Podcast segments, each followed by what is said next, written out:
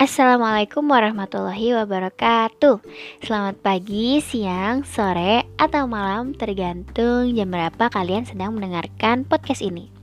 Kembali lagi bersama saya Nadira Fasya Salsabila dari Banawa Sekar Akademia. Hari ini saya mau mereview buku. Jadi ceritanya waktu itu hmm, Saya lagi scroll-scroll di situs belanja online di official store Gramedia kemudian ketemu buku ini. Gak ada nggak ada nggak ada yang spesial. Dari covernya nggak ada nggak ada yang spesial. Dia tuh cuman pakai cover putih bersih font untuk judul sama nama penulis. Itu ditulisnya pakai tem uh, font template. Biasa aja nggak ada spesial spesialnya juga cuma ada gambar satu lebah kecil di bawah cover buku itu. Di bawah nama penulisnya tuh ada gambar satu lebah kecil Nah, yang bikin saya tertarik untuk membeli buku ini adalah judulnya Bumi yang tak dapat dihuni. Hmm, saya buka lah tuh. Saya lihat uh, sinopsisnya. Oh, iklim, perubahan iklim. Gak tau kenapa tema-tema kayak gini tuh emang selalu menarik gitu loh buat saya. Gampang banget saya tuh eh tergiur dengan tema-tema kayak gini kayak pelestarian alam gitu kayak hewan-hewan gitu atau tentang bumi ini emang menarik banget. Jadi ya udahlah angkut. Jadi saya pesen bukunya kemudian saya uh, bukunya nyampe di rumah. Saya baca deh. Nah begitu membaca bab pertama dari buku ini tuh saya langsung setuju dengan salah satu komentar. Di belakang buku itu tuh ada yang komentar pembaca gitu buku yang mencekam, menakutkan, dan menohok. Setuju saya bener. Jadi penulisnya ini uh, David Wallace Wells. Dia adalah seorang deputi editor majalah New York. Di dalam bukunya itu berkali-kali menjabarkan kemungkinan-kemungkinan yang akan terjadi di masa depan kalau suhu di sekitar kita itu naik satu derajat atau dua derajat, tiga derajat, empat derajat, enam derajat gitu. Dan benar kalau apa yang dijabarkan di dalam buku itu adalah kengerian dan kengerian gitu.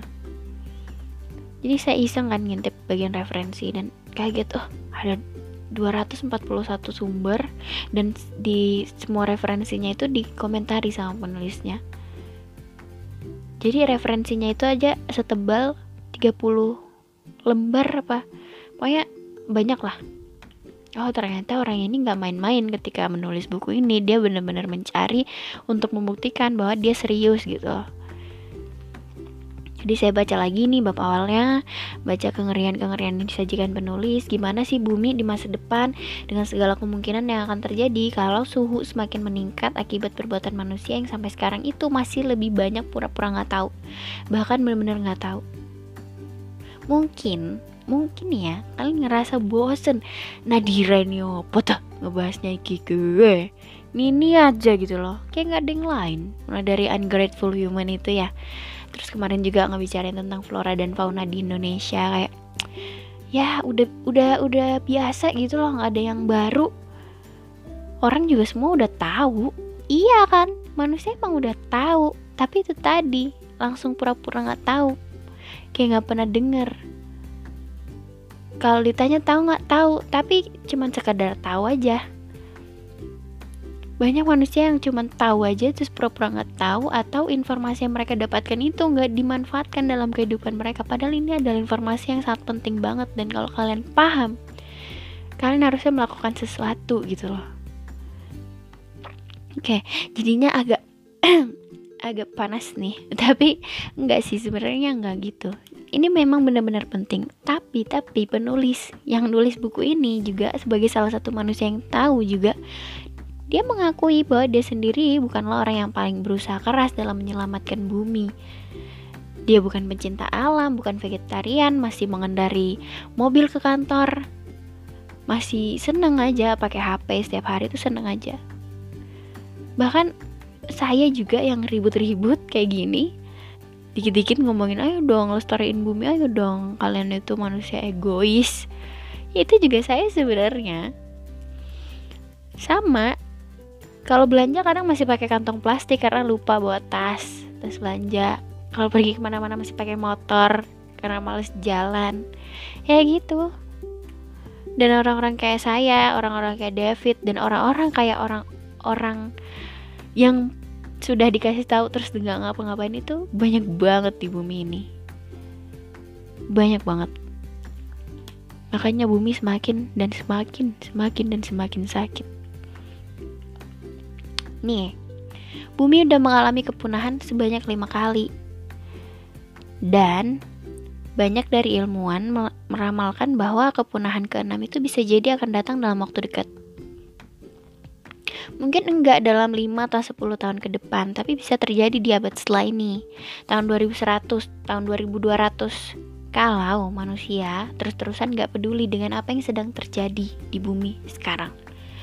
Kita emang gak pernah diajarin di sekolah kalau lima kepunahan sebelumnya itu terjadinya sedikit banyak karena perubahan iklim juga. Kecuali yang dinosaurus ya. Tuh tahu bahwa bukan karena bencana yang dari bumi tapi ya dari luar bumi. Nah, sangat besar sekali kemungkinan kepunahan keenam ini juga disebabkan oleh perubahan iklim. Hal yang sama gitu. Banyak penelitian itu mengungkapkan apa-apa aja yang akan terjadi kalau suhu di sekitar kita itu meningkat barang satu derajat aja. Kecil kenaikannya, tapi dampaknya luar biasa. Kenaikan satu derajat suhu itu aja bisa meningkatkan kemungkinan bencana alam kayak badai, kebakaran lahan, banjir, tanah longsor, pencemaran udara, pencemaran air itu sampai berkali-kali lipat. Dan yang bikin ini jadi teror, yang bener-bener teror itu adalah satu kejadian akan mempengaruhi kejadian lain. Nah, kalau sama para ilmuwan ini disebut umpan balik. Tapi kalau saya nyebutnya, ini adalah lingkaran setan produksi karbon. Lingkaran setan produksi karbon. Ya, dan saya akan segera kasih tahu kalian kenapa sih disebutnya kayak gitu. Kenapa saya se hiperbola itu nyebutnya sampai ada setan-setan segala di sini saya kasih tahu dulu ya bahwa ini benar-benar serius. Kalau suhu naik 3,7 derajat aja manusia akan mengalami kerugian sampai 551 dolar triliun. 551 triliun dolar. Satu derajat di bawah itu manusia bisa hemat 20 triliun dolar. Naik suhu 2 derajat diperkirakan memakan paling sedikit korban 150 juta jiwa. dua derajat ini adalah apa yang sedang diperjuangkan oleh para pejuang pejuang lingkungan sekarang gitu ini kita kalau naiknya 4 derajat 5 derajat ini bakalan parah ya udah kita incar aja lah. Memang paling paling paling 2 derajat gitulah supaya nggak terlalu parah gitu loh karena kalau kenaikan suhu 2 derajat aja diperkirakan akan memakan paling sedikit korban 150 juta jiwa. Kalian tahu nggak sih itu sebanyak apa? Itu jumlahnya lebih banyak daripada korban perang dunia 2 dan korban non militer gerakan lompatan jauh ke depan dan shopping. Kalau kalian lupa, ini udah pernah saya ceritain gerakan lompatan jauh ke depan itu di podcast saya yang judulnya China Connection dan juga saya tulis di blog Banawa Sekar Akademia judulnya sama China Connection. Kalian coba dengerin lagi. Apa sih lompatan jauh ke depan shopping itu? Berapa banyak sih korbannya? Banyak lebih banyak dari 150 juta. Eh lebih apa? Lebih banyak 150 juta jiwa emang. Tapi korbannya juga banyak. Dan uh, eh, 150 juta jiwa ini setara sama korban 25 holocaust kalau diledakin bersamaan sekarang coba deh kita bahas bab dua buku ini. Yang isinya itu banyak sebab-sebab yang semua judulnya itu adalah bencana. Pertama, penulis menjabarkan tentang gelombang panas. Kenaikan suhu ya artinya makin panas. Dan mau terlalu panas ataupun terlalu dingin, dua-duanya itu nggak baik. Gelombang panas ini menyerang hampir seluruh dunia dan tiap tahun tuh mencetak rekor baru loh. Dan berkat itu juga korban terus meningkat. Gelombang panas ini nggak bisa di nggak bisa kita permainkan karena orang yang kena heat stroke, serangan panas dan orang yang kena hipotermia itu sama-sama sakit matinya. Sama-sama sengsara ketika kita kena panas. Otak itu akan bekerja lebih keras untuk mendinginkan suhu tubuh kita, tapi akhirnya fungsi otak itu malah rusak gitu loh ya bisa jadi kita kena stroke pokoknya dia matinya juga sama sakitnya sama yang dirasain sama orang-orang yang kena hipotermia nah uh, di Timur Tengah itu adalah tempat yang paling paling sengsara dari uh, serangan gelombang panas ini. Suhu di sana itu mencapai 48 derajat, bahkan sempat menyentuh 51 derajat panasnya. Malam hari harusnya suhu turun kan, harusnya kita merasa udah nggak panas lagi, udah dingin sejuk. Tapi meskipun suhu turun di sana juga nggak nggak begitu membantu, nggak langsung tiba-tiba jadi dingin karena turunnya itu juga tetap di atas rata-rata suhu normal, jadi tetap aja panas. Nah, semakin panas bumi, semakin banyak AC dan kipas angin yang akan dinyalakan ya kan. Jadi uh, setidaknya itu akan membantu manusia gitu mengurangi penderitaan yang mereka rasakan sekaligus menambahnya di masa depan. Kenapa saya bilang begitu? AC dan kipas angin itu menguasai 10% penggunaan listrik global. Artinya, semakin banyak AC dan kipas yang dinyalakan, semakin banyak pula bahan bakar minyak yang harus dibakar. Yang artinya bumi bakal semakin panas lagi. Nggak cuma penggunaan listrik aja yang menambah kenaikan suhu di bumi, tapi juga pembangunan, gedung-gedung, kendaraan, bahkan kita sendiri nih manusia. Itu kita menyerap panas dan melepaskan kembali ke udara. Itu yang bikin kota-kota besar yang banyak gedung tingginya, manusianya itu lebih panas daripada desa yang lebih sepi dan nggak banyak infrastruktur juga kendaraan gitu. Nah, Ngomong-ngomong nih, para peneliti di negara-negara maju itu berhasil menemukan alat buat menangkap karbon, terus dilepaskan langsung biar nggak menyerang gitu loh, biar nggak menyerang nggak mempengaruhi perubahan iklim. Tapi gelombang panas itu kan nggak cuma menyerang negara-negara maju aja, seluruh dunia itu kena dampaknya dari gelombang panas ini. Nah, kalau mau mencapai kenaikan 2 derajat yang tadi nih jadi tujuan utama sasaran utamanya. Itu kita harus bikin 1,5 pabrik per hari selama 70 tahun 70 tahun. Tapi sampai tahun 2018 dunia baru memiliki 18 unit aja dan itu pun di negara-negara maju doang. Jadi nggak terlalu membantu alat itu untuk negara-negara yang nggak punya uang nggak cuma manusia aja tapi juga menyerang tumbuhan, hewan dan juga menyebabkan kebakaran nih gelombang panas.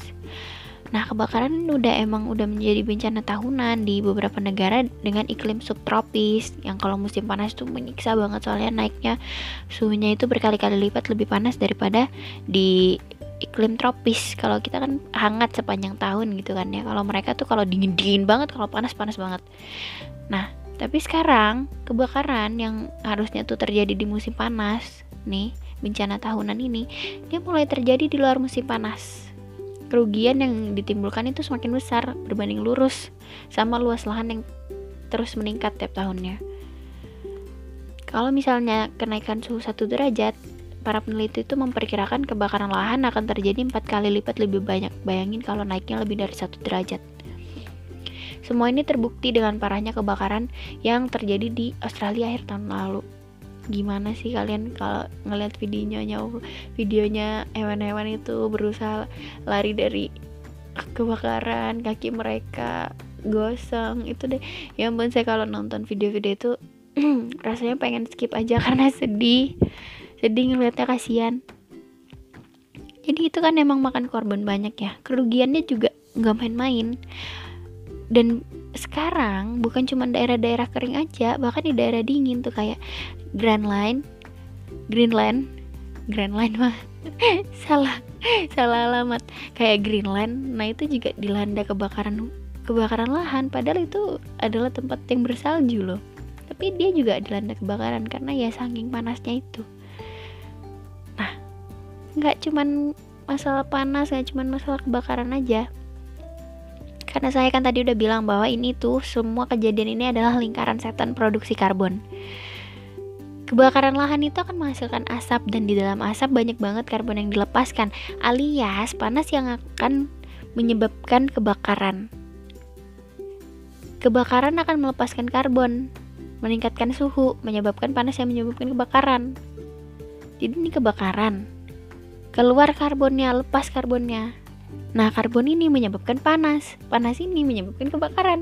Gitu loh. Jadi dia emang saling berhubungan dan berulang gitu loh. Makanya saya bilang bahwa ini adalah lingkaran setan produksi karbon. Dan enggak, enggak cuma sampai di situ aja. Makin panas, makin dikit hasil panen karena tumbuhan itu bisa rusak karena kepanasan, karena serangga.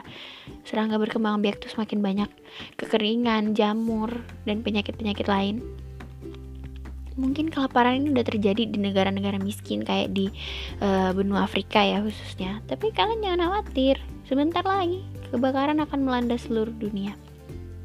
Termasuk juga menyerang orang-orang kaya yang meskipun mereka punya uang, tapi nggak banyak makanan yang bisa dibeli. Karena itu hasil panen ini tadi sedikit, sumber makanan sedikit. Nah, penyebab lainnya juga karena ada erosi. Banyak sih negara yang berusaha meneliti inovasi baru gimana sih supaya hasil panen ini tetap maksimal. Tapi nggak semua negara bisa melakukan hal itu. India terancam dilanda kelaparan besar-besaran 10 tahun ke depan. Nah negara-negara berkembang ini emang yang paling berkemungkinan jadi korban dari bencana kelaparan ini. Karena banyak nggak nggak banyak yang bisa mereka lakukan dengan dana yang sedikit ya kan penulis itu menambahkan satu kalimat yang saya tandai dengan segera karena emang ini benar nyata. Perubahan iklim menjanjikan berdirinya kerajaan baru. Kerajaan kelaparan di antara kaum miskin dunia. Enggak cuma itu aja, perubahan iklim masih banyak lagi yang dibikin sama perubahan iklim ini. Nah, salah satu penyebab lain kekurangan panen itu adalah banjir nggak usah dijelaskan lah ya gimana prosesnya banjir tuh sampai bisa mengurangi hasil panen. Eh cerita lama. Nah sekarang yang harus kalian tahu adalah gimana resiko di masa depan Atlantis itu nggak spesial lagi karena nanti bisa jadi bukan cuma Atlantis aja yang akan ada di bawah laut. Sekarang di banyak negara yang ngaku kalau ngaku ataupun enggak kalau mereka sadar akan bahaya perubahan iklim kenaikan permukaan laut itu tetap dianggap remeh. Padahal itu adalah salah satu ancaman paling besar yang mulai menghampiri kita. Di Indonesia sendiri nih dah kita bisa lihat buktinya banjir di mana-mana. Bahkan di dataran tinggi yang biasanya tetap kering yang biasanya tuh ketika hujan mereka cuma ngeliat aja tuh dari atas wah di sana banjir lagi. Di dataran rendah banjir lagi. Mereka tuh udah juga kena akhirnya kena banjir. Jakarta itu salah satu kota yang paling beresiko tenggelam. Kalian tahu sendiri gimana sih banjir di Jakarta? Didukung pertumbuhan penduduk dan penurunan tanah. Kalau nggak laku kalau kita nggak ngelakuin sesuatu Jakarta bisa jadi bernasib sama kayak Atlantis di tahun 2050 bayangin 30 tahun lagi dan itu gak lama lagi loh. Gak lama lagi. Sebentar lagi Gak cuma Jakarta aja juga bisa ditetapkan buat banyak negara-negara lain terutama di Asia. Karena kita emang e, banyak negara kepulauannya ya kan? Nah banyak yang menjadi penyebab terjadinya banjir. Curah hujan tinggi, badai, penurunan tanah, sampah. Tapi salah satu penyebab lain yang juga harus diperhatikan adalah es es bukan es yang dijual sama abang-abang ya tapi es yang ada di Antartika yang ada di kutub. Emang emang lokasinya kan ngerasa ha jauh. Tapi laut itu saling terhubung. Ya. Jadi laju pelelehan es karena panas ini tadi laju pelelehan es di Antartika itu naik tiga kali lipat sejak 10 tahun lalu. Tahun 2012 sampai 2017 rata-rata 219 ton es itu udah mencair. Pemanasan global dari satu negara dari Amerika doang ini aja menyumbang pelelehan sampai 18 liter per menit per orang. Per menit per orang 18 liter. Bayangin satu jam aja udah bisa berapa 18 kali 60. Itu baru satu orang. Es di Antartika ini juga terhubung dengan tadi ini lingkaran setan produksi karbon. Soalnya es kan punya kemampuan untuk menyerap karbon karbon ini disimpan di titik beku. Nah, kalau es ini mencair, maka karbon yang tadinya diserap itu juga akan lepas. Nah, pelepasan karbon ini yang akan meningkatkan lagi suhu bumi. Nah, nanti kalau dia meningkat, es semakin banyak lagi yang cair. Menurut para peneliti, es abadi di Arktik itu bahkan bakalan ngelepas 100 miliar ton karbon pada tahun 2100. setengah dari semua karbon yang dihasilkan manusia sejak industrialisasi dimulai. Pelelehan es ini pernah juga ya terjadi di kepunahan-kepunahan sebelumnya. Terakhir kali bumi 4 derajat lebih hangat nggak ada es di kedua kutub. Nggak ada es di kedua kutub permukaan air laut naik sampai 79 meter dan di Arktik itu ada pohon palem. Makhluk hidup. Waktu itu nggak usah ditanya lagi keberadaan mereka udah musnah tenggelam. Bye bye separah itu guys. Naik 4 derajat. 4 derajat Selain es yang mencair, kita juga udah mm, dan terus memiliki masalah dengan air di mana-mana. Nah, bumi ini kan punya tu, uh, 70 persennya tuh tertutup air. Tapi air tawar itu cuma 2% aja, sisanya air laut. Dari 2% itu yang bisa diakses manusia itu cuma 1% aja. Nah, di bumi ini ada 7 miliar kan manusia. Jadi satu orang itu harusnya bisa mendapatkan 0,007%. Dan itu sudah sangat-sangat cukup. Harusnya dapat segitu. Dan itu udah sangat cukup. Tapi banyak banget negara-negara dan manusia yang kekurangan air di dunia ini. Dan kalaupun mereka punya air air itu kotor. Infrastruktur buruk pencemaran urbanisasi pembangunan banyak banget penyebab kekurangan air ini.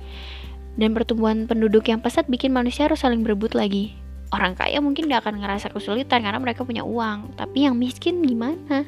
Harus pasrah ngerasa haus. Panas juga bikin danau-danau mengering. Semakin berkurang lagi pemasok uh, pasokan air di bumi. Apa sih yang dilakukan manusia dalam keadaan ini? Saling nyalahin. Golongan ini nih yang bikin air tercemar nih pabrik ini nih. Orang kaya nih pakai air cuman buat bikin tanaman di rumah mereka cantik doang. Cuman buat berendam pakai bed bomb doang ala-ala orang miskin lah tuh yang nyuri air yang dibayar sama orang kaya.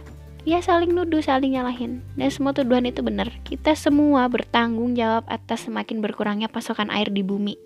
Secara langsung maupun enggak.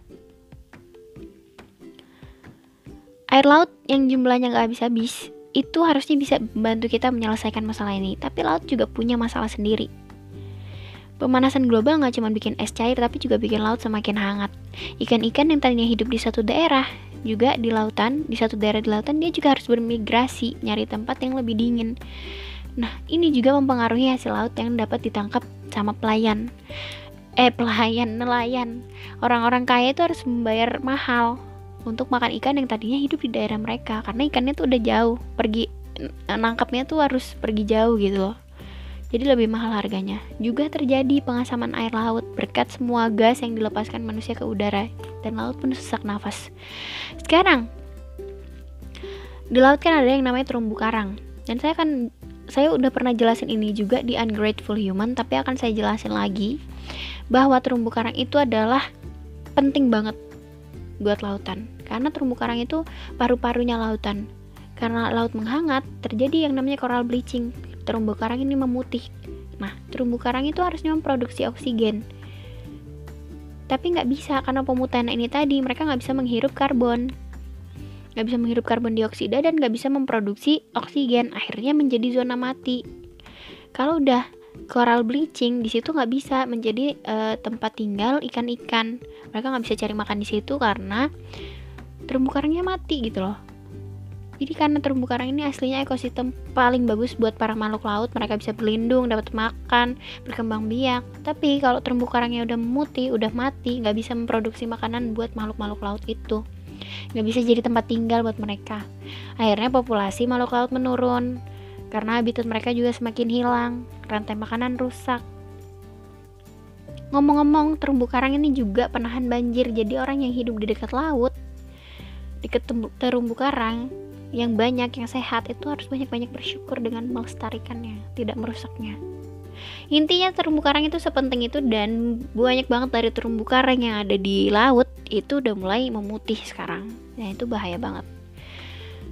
Terus tambah lagi sekarang lautan itu dipenuhi plastik.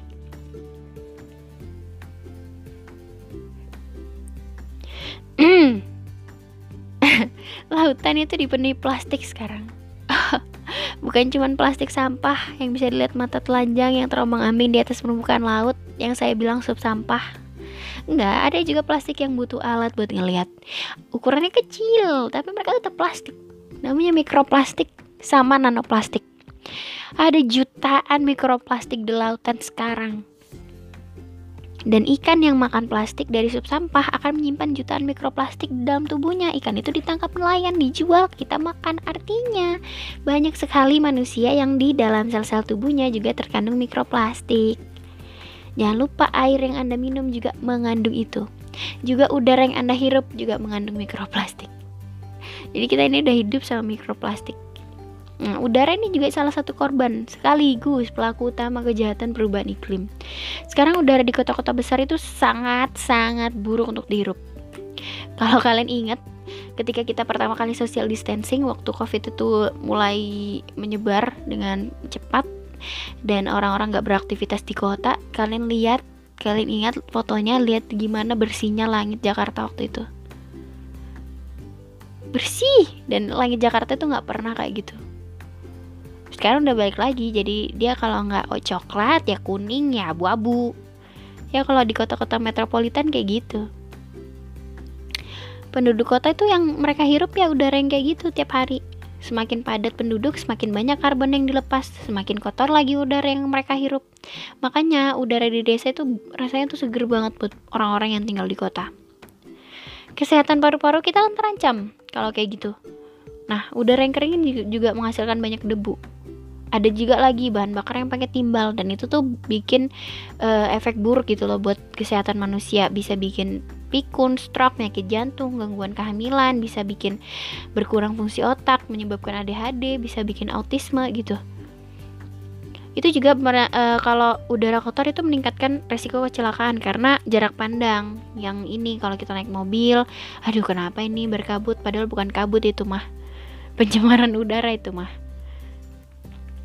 Ada banyak wabah yang kemungkinan muncul apabila terjadi kenaikan suhu. Nah, selain udara pencemaran-pencemaran ini tadi ada juga penyakit. Salah satunya nih malaria. Terus demam kuning. Demam kuning ini awalnya cuma terjadi di dekat hutan Amazon, di lembah Amazon, sekarang mulai menyebar ke kota-kota besar. Padahal penyakit ini disebabkan nyamuk hemogogus, hemagogus dan sebetes. Nah, mereka tuh selama beberapa generasi Sebelumnya itu cuma tinggal di hutan Amazon, sekarang mereka mulai keluar dari lingkungan mereka. Ada juga kayak yang aslinya tuh penyakit di tempat yang beriklim tropis itu mulai terjadi di tempat beriklim dingin juga. Tempat beriklim tropis juga Soalnya udara kan mulai menghangat ya di seluruh dunia. Jadi malaria juga gitu. Ada juga Zika. Semua virus dan bakteri bahkan bisa berubah sifat akibat mutasi genetis yang terjadi tergantung keadaan lingkungan mereka.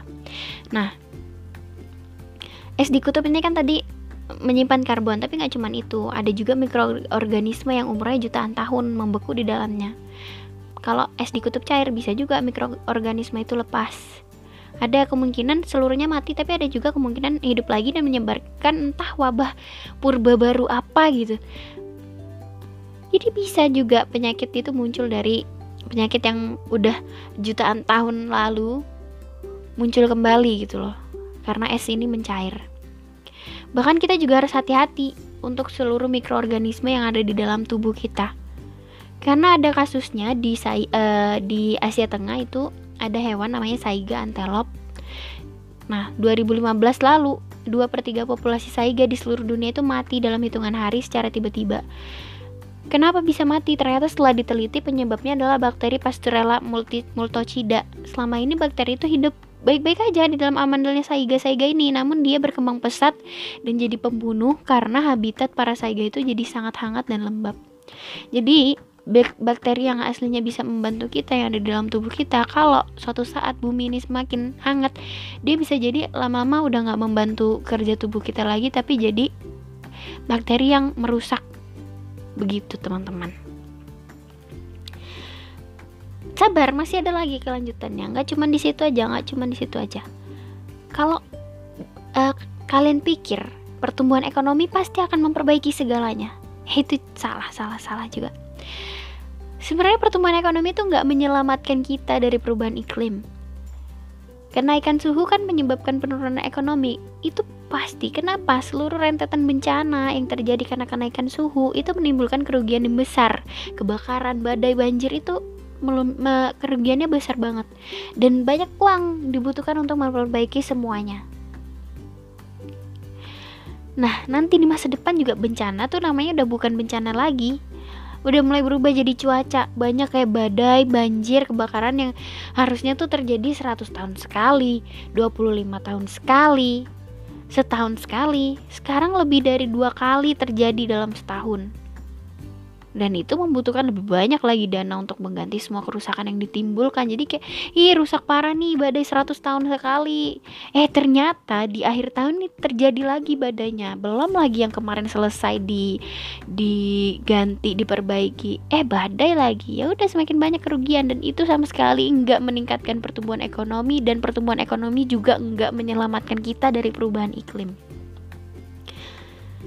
Karena pemanasan global juga menurunkan produktivitas. Ini ini udah ada penelitiannya ya, jadi nggak cuma sekedar cocok logi aja. Kalian juga pasti ngerasain kalau belajar di dalam ruangan tuh rasanya pengap banget, panas banget itu karena di dalam ruangan itu berkumpul semuanya karbon dioksida dan dia nggak lepas dan juga ada karbon yang dilepaskan sama tubuh kita dan seluruh teman-teman kita itu terperangkap di dalam ruangan. Makanya kalau belajar di luar ruangan tuh rasanya asik banget nggak sesak napas. Nah kalau panas juga tuh kayaknya orang tuh kayak males kerja gampang emosi. Gimana sih kalau kita belajar di dalam ruangan tertutup terus nggak bisa nyalain AC kayak apa aja senggol bacok gitu loh.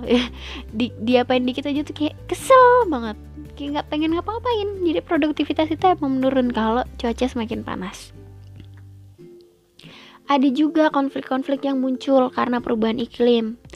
Banyak konflik yang terjadi di seluruh dunia, penyebabnya tuh beda-beda.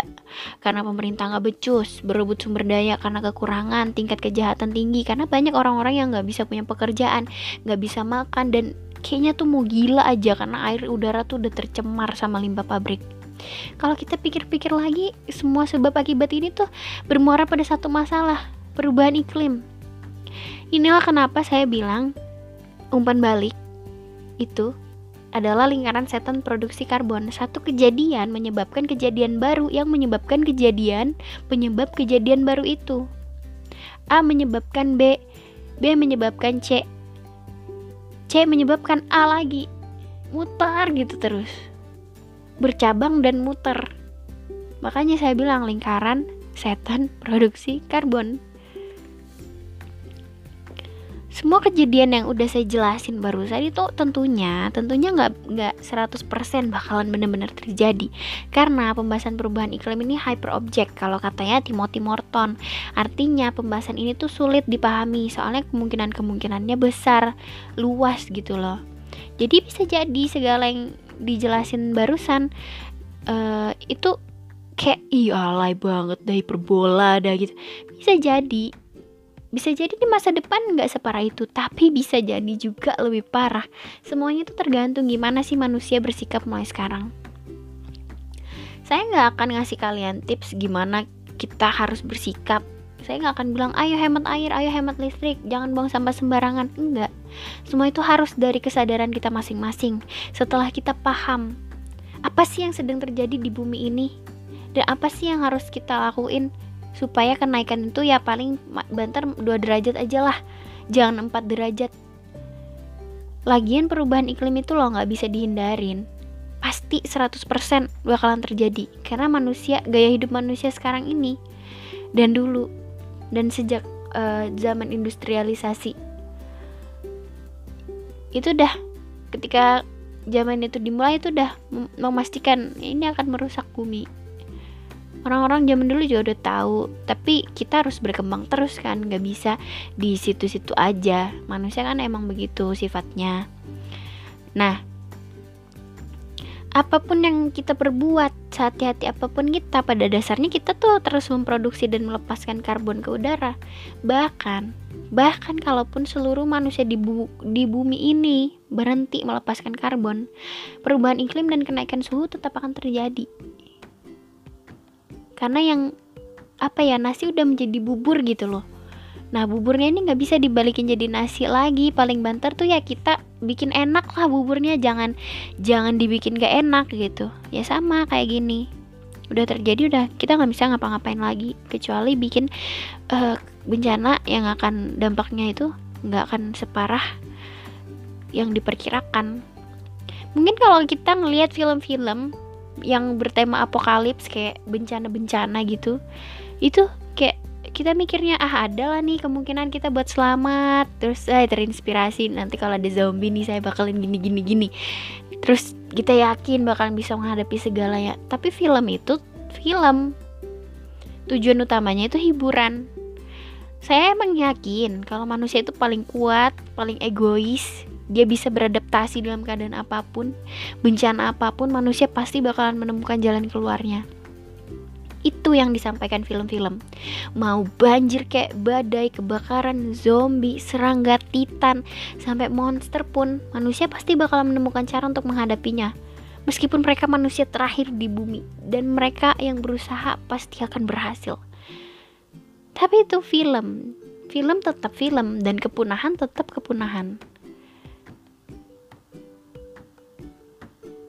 Yang bisa kita lakuin sekarang itu mencegah untuk mengurangi dampak perubahan iklim. Seluruh dunia harus kerja sama, bukan saling menjauhi, bukan bersikap sendiri-sendiri, atau saling nyalahin. Karena perubahan iklim terjadinya di seluruh dunia, nggak cuma di satu negara aja. Nah, tapi yang terjadi sekarang itu sebaliknya. Negara-negara yang kayaknya tuh peduli nggak sepenuhnya peduli, pemimpin lebih sibuk mengurusi perkembangan ekonomi, bikin pembukaan lahan, mengunduli hutan, mengundang para investor. Hey, aku punya lahan, ayo kamu datang dong untuk bikin hotel dan pabrik di sini. Hah, hutan? Udah lah nggak apa-apa. Ngapain kita uh, nyimpen-nyimpen hutan kalau bisa dijadiin duit? Mereka pura-pura nggak tahu kalau semua itu akan mendatangkan kiamat, bukan cuman buat mereka aja, tapi seluruh umat manusia di bumi. Oke, kiamat itu emang hiperbola ya mendatangkan kehancuran, kepunahan gitu loh. Hidup semata-mata demi uang doang. Lupa kalau lama-lama nih gara-gara uang juga nih manusia bakalan mati. Ada manusia yang berusaha keras menyerukan gimana sih kita harus bersikap apa yang harus kita lakukan supaya kepunahan keenam gak terjadi dalam waktu dekat? Sayangnya mereka juga tetap hidup tuh menghasilkan karbon buat bumi ini. Ada juga yang ngerasa muak dengan manusia-manusia yang si penyeru itu. Mungkin kalian ngerasa muak kayak uh, dengan orang-orang kayak saya. Ngerasa bahwa eh udahlah nggak ada yang baru dari topik ini tuh ngebosenin. Iya. Mereka udah tahu apa yang akan terjadi pada bumi dan seluruh isinya tapi mereka lupa atau pura-pura lupa bahwa dampaknya tuh bukan hanya akan terjadi pada anak-anak dan cucu-cucu mereka di masa depan tapi juga pada mereka dalam waktu dekat atau justru udah terjadi sekarang Lucunya, manusia ini berusaha sangat keras loh untuk masa depan individu mereka, buat jadi orang sukses, buat jadi orang kaya, buat jadi orang terkenal, buat viral. Tapi mereka lupa kalau semua kesuksesan itu toh nggak ada artinya lagi kalau mereka punya uang, tapi nggak punya air buat diminum, nggak punya makanan buat dimakan, ngerasa kepanasan tiap hari meskipun AC udah nyala tuh udah lima Rumah-rumah megah yang mereka bangun susah payah hancur karena badai, banjir, dan kebakaran. Gak ada artinya lagi kekayaan, kesuksesan, keviralan itu kalau bumi udah hancur. Gak ada artinya. Penulis itu bener-bener ngelakuin kerja bagus ya dalam menyajikan buku ini karena ini review jadi saya harus mereview penulisnya juga. Nah, kayak sutradara film horor gitu yang membawakan teror dan ketakutan tersendiri setelah kita baca atau nonton filmnya. Bedanya sutradara itu menyajikan fiksi dan penulis ini menyajikan fakta dengan berkali-kali mengulang kemungkinan-kemungkinan bencana dan kerugian yang akan terjadi di masa depan. Nunjukin bahwa dia benar-benar serius. Pengen ngasih tahu kita itu sekarang dalam masalah besar loh kalau naik satu derajat bakalan kayak gini kayak gini loh. Kalau dua derajat bakalan kayak gini korbannya segini dan ini yang akan terjadi. Dan dengan bahasa-bahasa sindiran dan sarkasme juga penulis menunjukkan seberapapun manusia berada dalam masalah besar yang penyebabnya adalah mereka sendiri, kebanyakan dari mereka tetap nggak peduli. saya juga nggak bisa sih memastikan kalau setelah membaca buku ini udah sih dibaca. Maksudnya saya juga nggak bisa memastikan bahwa dengan membaca buku ini akan merubah gaya hidup saya dan pembaca-pembaca yang lain gitu. Yang saya yakinin adalah manusia itu harus benar-benar memperhatikan hal yang terlalu sering diserukan ini. Kita tuh harus mulai mempersiapkan yang terbaik buat menghadapi kemungkinan terburuk. Kita harus berhenti nggak peduli karena bosan dengar ceramah para aktivis lingkungan ya bosan itu itu aja yang dibahas. Mereka ngebahas itu itu aja karena ini tuh nggak bisa selesai dengan satu gerakan aja kita harus berhenti nggak peduli karena ini bukan persoalan politik nggak seru nggak seru. Nggak ada gelut manusia sama manusia. Kita harus berhenti nggak peduli. Cuman karena kita merasa nggak akan terkena dampaknya. Ha belum belum. Masih lama masih jauh. Bukan gue yang kena bukan. Harus berhenti kayak gitu. Kita harus berhenti cuma peduli sama kesuksesan individu yang masih buram karena resiko kepunahan keenam sesungguhnya uang, popularitas, kesuksesan yang Anda impikan itu nggak ada artinya lagi kalau di Artik udah tumbuh kembali pohon palem kayak yang tadi saya ceritakan di awal. 79 meter permukaan air laut naik, udah tenggelam, udah satu dunia jadi Atlantis mungkin. Dan kalau udah kayak gitu apa? Kamu mau jadi miliarder di bawah laut? Silahkan kalau bisa. Jadi kita emang kita itu emang harus berusaha yang terbaik buat kehidupan kita, buat kesuksesan kita. Tapi kita juga harus melakukan yang terbaik untuk bumi ini karena kita tinggal di situ gitu loh. Ya ini rumah kita, ya harus dijaga. Meskipun, meskipun mungkin kita emang sekali lagi nggak bakalan bisa nih menghentikan perubahan iklim. Nggak bisa kita ngerubah nasi yang udah jadi bubur mau dijadiin nasi lagi tuh nggak bisa. Ya paling itu tadi, kita bikin supaya dampaknya itu nggak parah. Kita bikin supaya buburnya itu enak. Supaya kita ngerasainnya juga kayaknya nggak sengsara-sengsara amat dan bukan cuma soal kita aja. Ini juga tentang anak cucu kita gitu loh. Jadi ayolah guys. Ya. Sadar. Oke okay? open your eyes. Open your eyes.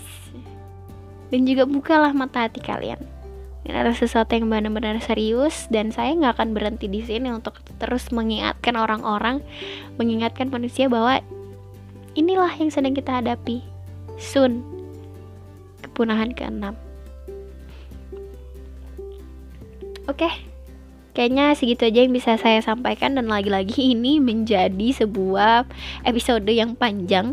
Padahal saya sebelakangan ini udah berusaha supaya apa yang saya sampaikan itu nggak bisa sepanjang ini. Tapi kalau nggak gini mungkin kalian nggak akan sadar bahwa yang sedang kita hadapi ini adalah masalah besar.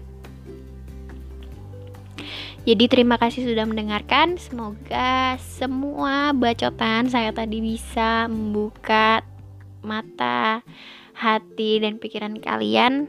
Semoga bermanfaat untuk kita semua dan semoga kita baik-baik aja di antara kerusakan-kerusakan yang udah terjadi di bumi ini di antara lingkaran setan produksi karbon ini. Wassalamualaikum warahmatullahi wabarakatuh.